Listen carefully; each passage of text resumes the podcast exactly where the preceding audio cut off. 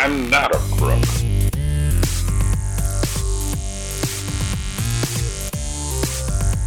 But because they are hard.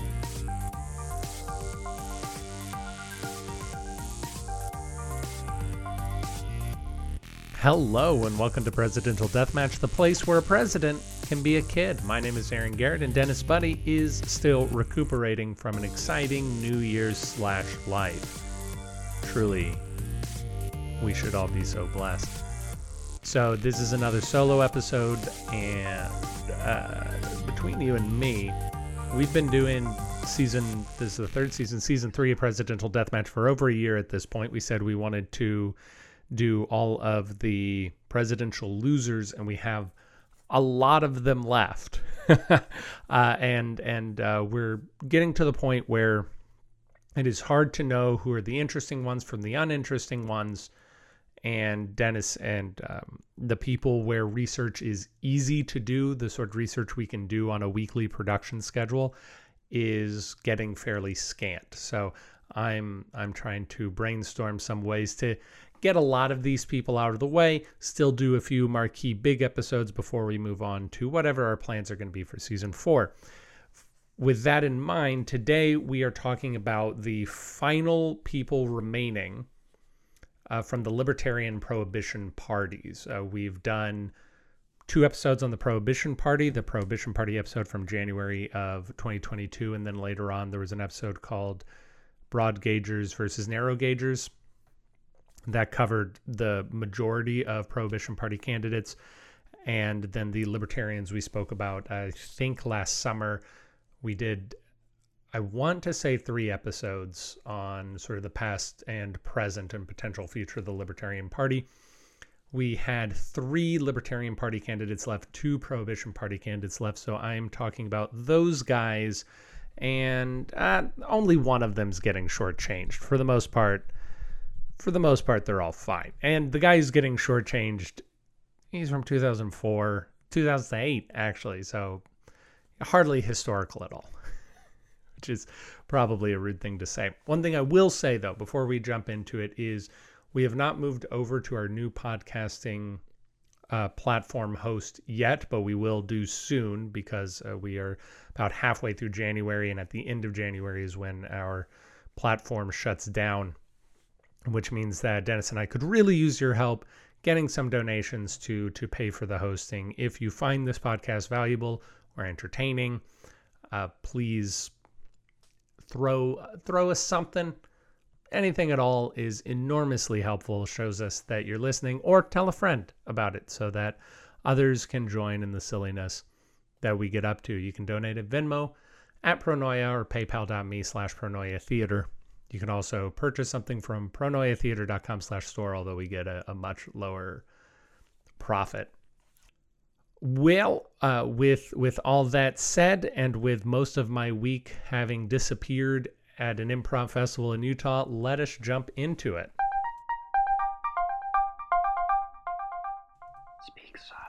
The Prohibition Party is a general reminder for everyone the Prohibition Party is America's oldest still functioning third party. They were originally founded because citizens thought that the entrenched interests of the Republicans and Democrats were not sufficiently dedicated to ridding America of alcohol. And although they had limited electoral success, their main goal was achieved with the Volstead Act in 1920. Actually, exactly 102 years ago today, as I record this, is when the Volstead Act took effect, which is pretty neat. During Prohibition, the party's efforts switched to bolstering enforcement mechanisms of the Volstead Act instead of getting it into place. And when Prohibition was repealed, they went back to trying to get it reinstated. In addition to Prohibition, they are generally seen as a socially conservative party with strong ties to Christian nationalism. They uh, they don't like a lot of freedoms, surprisingly enough, for people called the Prohibition Party. The first prohibitionist that we didn't discuss was John Bidwell. Born in 1819, he is one of the first Americans to immigrate to California in what was called the Bartleson Bidwell Party. That tells you how important he was to that party. While there, he pursued a number of business interests and helped protect the Mexican government there against an internal coup. There was an American as well as a former governor who were trying to raise up an army to to I, I don't know if they were trying to make California an independent state or because uh, this would have been right around the time that Texas had been doing that as well, or if they were just trying to take the entire Mexican government in one fell swoop. In any case, Bidwell, the Mexican government, other American settlers in California helped to to beat that back. He was naturalized as a Mexican citizen and bought some land where he found gold, precipitating the California gold rush. So he's one of the people who was there before all that happened.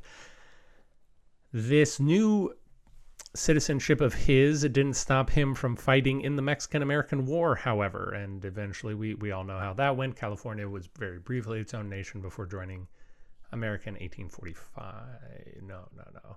I forget the date. 1845 is when Texas became a state.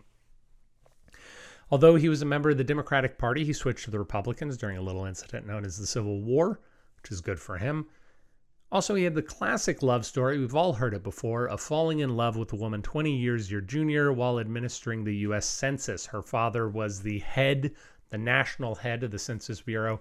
He was in charge of accomplishing the census in California. He did this in both 1850 and 1860. His wife's father was a high ranking official, which I'm sure helped their attraction. In addition to President, current president at the time, Ulysses, uh, no, current president, oh boy, howdy.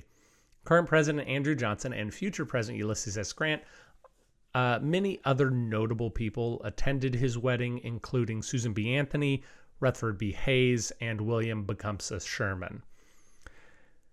In 1875, he ran as the anti monopoly party candidate for governor of California and then later presided over temperance movements within the state. This is probably what helped to get him nominated as the Prohibition Party candidate in 1892, which is about 20 years after they were founded.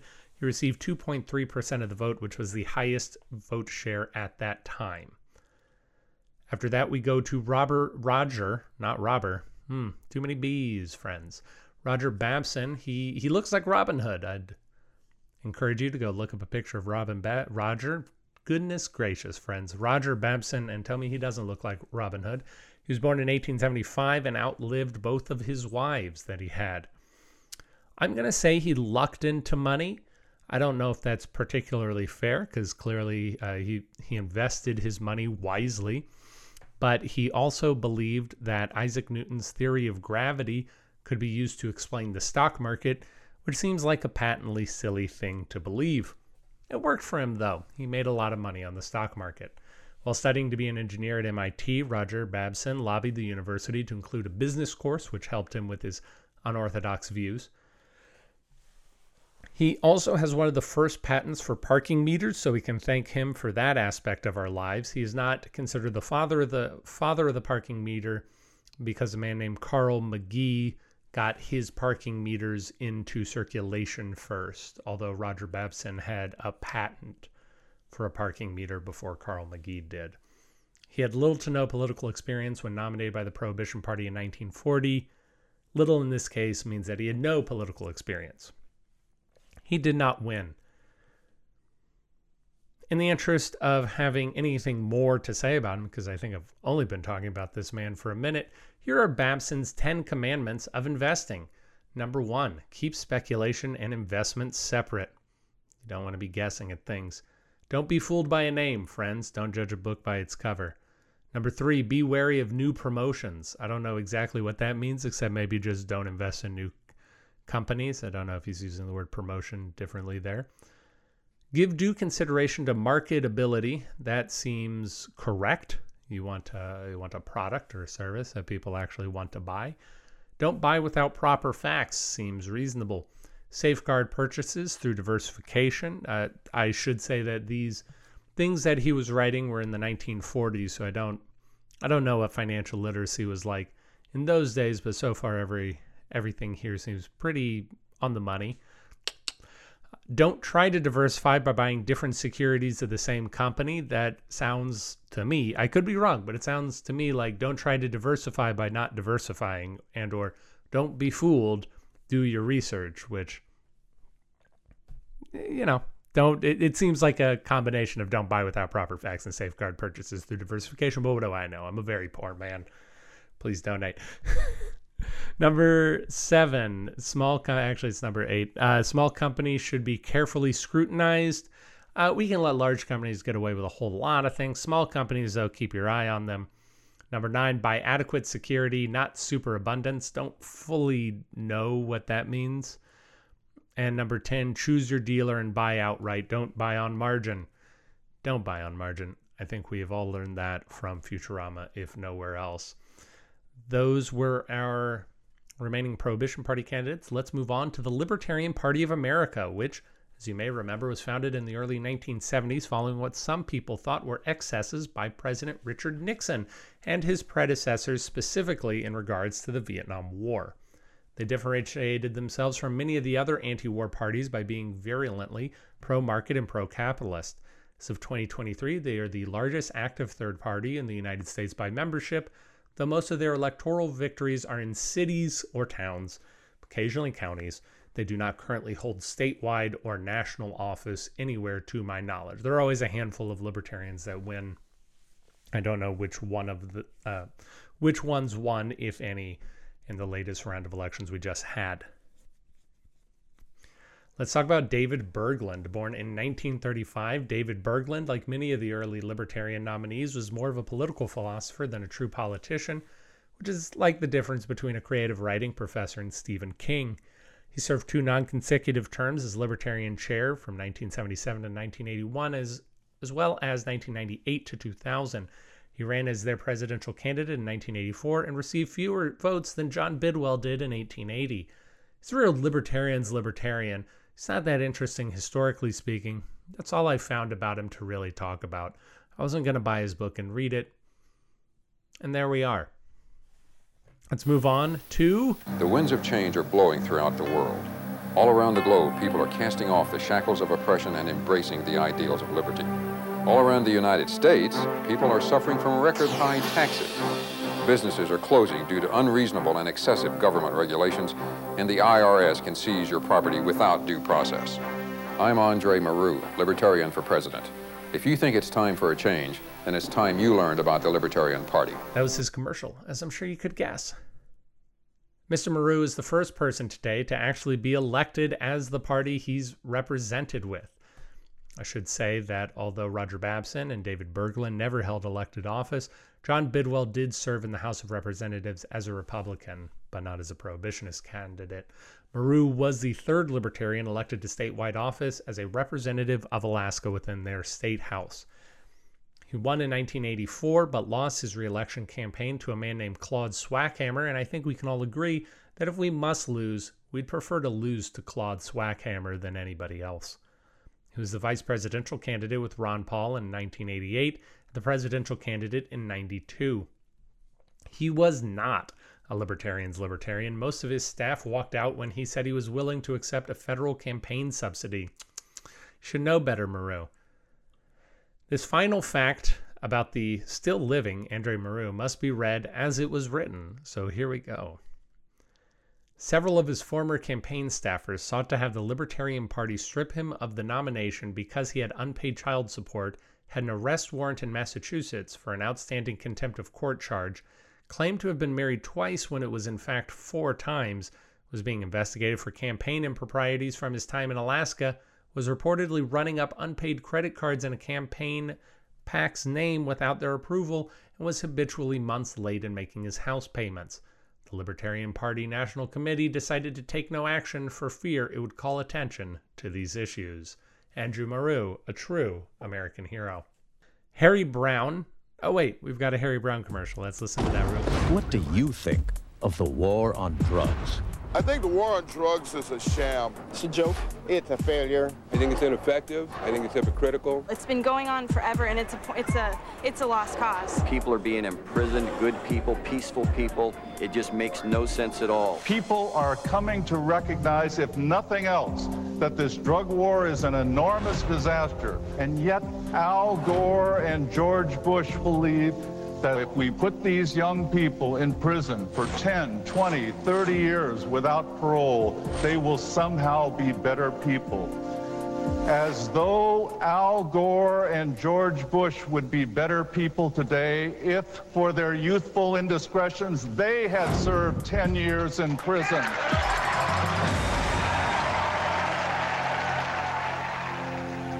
Vote to end the war on drugs. Vote for Harry Browne. Back to Harry Browne. Harry Browne was one of the few people to be nominated twice by the LP in 1996 and in 2000.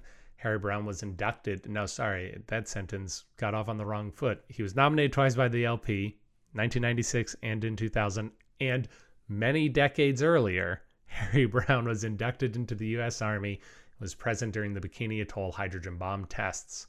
During the 1960s, he worked as an ad executive, leaning heavily on American made products. As a prolific author and speaker, he spoke on investing in the later part of his life, which is to say the 1970s to 2000s. Browne avoided the mistakes of Andre Marrou and did not accept free money from the government. Unsurprisingly, Harry Browne did not win President of the United States in either of his two runs for office.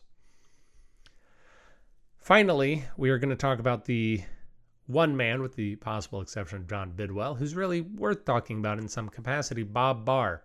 It's important to note Bob Barr is not Bill Barr, former Attorney General. I want to make that very clear. They have similar names. They are not the same person. They're both Republicans. They are not the same person. They kind of look the same. And even so, they are not the same person. He is a Republican, as I said, as in he's currently a Republican. He both was a Republican when he was elected. He is now a Republican again and no longer libertarian. He served as Georgia representative from 1995 to 2003, during which time he was one of the floor managers for the Bill Clinton impeachment, and he authored the very unlibertarian Defense of Marriage Act, which I'm sure we're all relatively familiar with. This guy actually did quite a lot of things during his continuing life. He worked for the CIA as a Latin American analyst and later was appointed by Ronald Reagan as a U.S. Attorney for the Northern District of Georgia. While there, he managed to do a number of important things. Most importantly for me, I think, though, is he managed to get a perjury charge on a then sitting Republican representative, which is to say, as a Republican in a Republican administration, he did successfully uh, bring charges against a Republican who was doing something illegal. And wouldn't we like people to, to do that to, to folks of all parties these days? He was part of the Republican Revolution of 1994, orchestrated by fellow Georgian Newt Gingrich. He was quoted as saying to his constituents, You don't see, send. He is quoted as saying to his constituents, You don't send me to Washington to smile, when people noted his dour countenance. He's also quoted as saying this very long winded sentence. I can see a situation where the federal government is going to bring an entire suitcase of San Francisco values to the American family. And while I would love to explain all the things that are wrong with that, the fact is that this is a corrupting, left leaning influence on a section of society that so many liberal elites want to see taken out of the red state column. The only solution to this kind of behavior is dour and austere social conservatism like my own. Life of the Party, Bob Barr. Bob Barr was a victim of gerrymandering and lost his seat in the 2002 midterms. He lost in the primaries to another incumbent Republican congressman after, and this is funny, libertarians campaigned against Barr's drug war stance, which is obviously very ironic. Also, consider the last commercial that you just heard from the LP.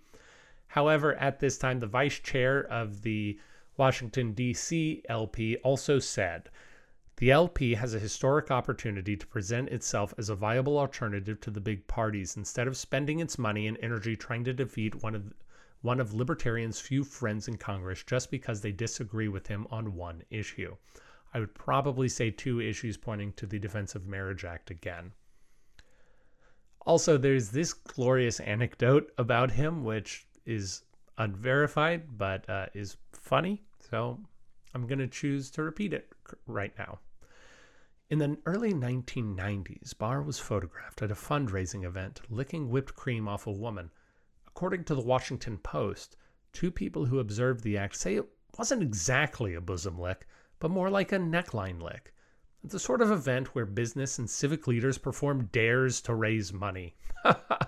you know those those famous dare raise money events. Not exactly Mr. Effusive, says Matt Towery, the former chairman of New Gingrich's political organization. Man, it's always got a name that trips me up.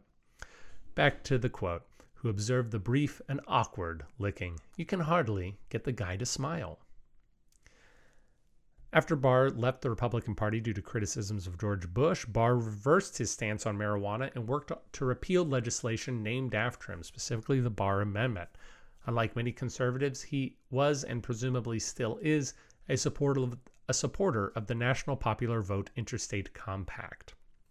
For those of you who don't know, following George Bush's victory in 2000, a number of states joined together to create the National popular vote interstate compact this is a thing that states can do outside of the federal government they can they can make deals with each other and this particular deal says that if we can get enough states to get above the electoral vote threshold to to agree to this legislation we will effectively turn america into voting for the popular vote instead of voting individually by state in the electoral college. I, am not going to go into the whole thing. I, I think you get the idea. It's basically a way to switch our electoral voting system without having to amend the Constitution.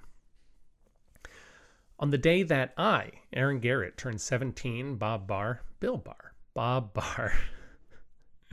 Very tricky, Bobs and Bills. On the day I turned 17, Bob Barr was nominated for the LP presidential candidate, and libertarian magazine Reason, or I should say libertarian affiliated magazine Reason, said that Barr was the first serious presidential candidate in some time for the party.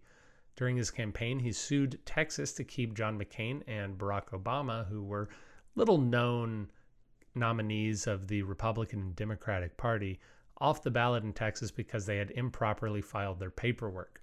The Texas Supreme Court ruled in the major party's favor. What a surprise. Barr returned to the Republican Party in 2012, then lost a comeback race in 2014. He now presumably lives somewhere in Georgia. Thank you for joining me in the at a uh, at an intimate look at those five people's tiny lives. Until next time, please keep presidenting. Goodbye.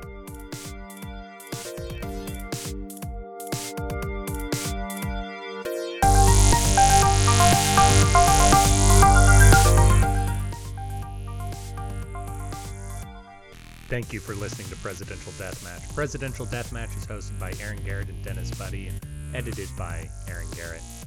If you like the show, please consider giving us a review wherever it is. You can do that, we'd really appreciate it. If you didn't like listening to the show, well, why don't you come on back and give us another try? We really grow on you. If you want to reach out to us, you can do that at contact at pronoiatheater.com. You can also support the show in a variety of ways, including at pronoiatheater.com slash store. We hope you enjoyed it, and we hope to hear from you soon.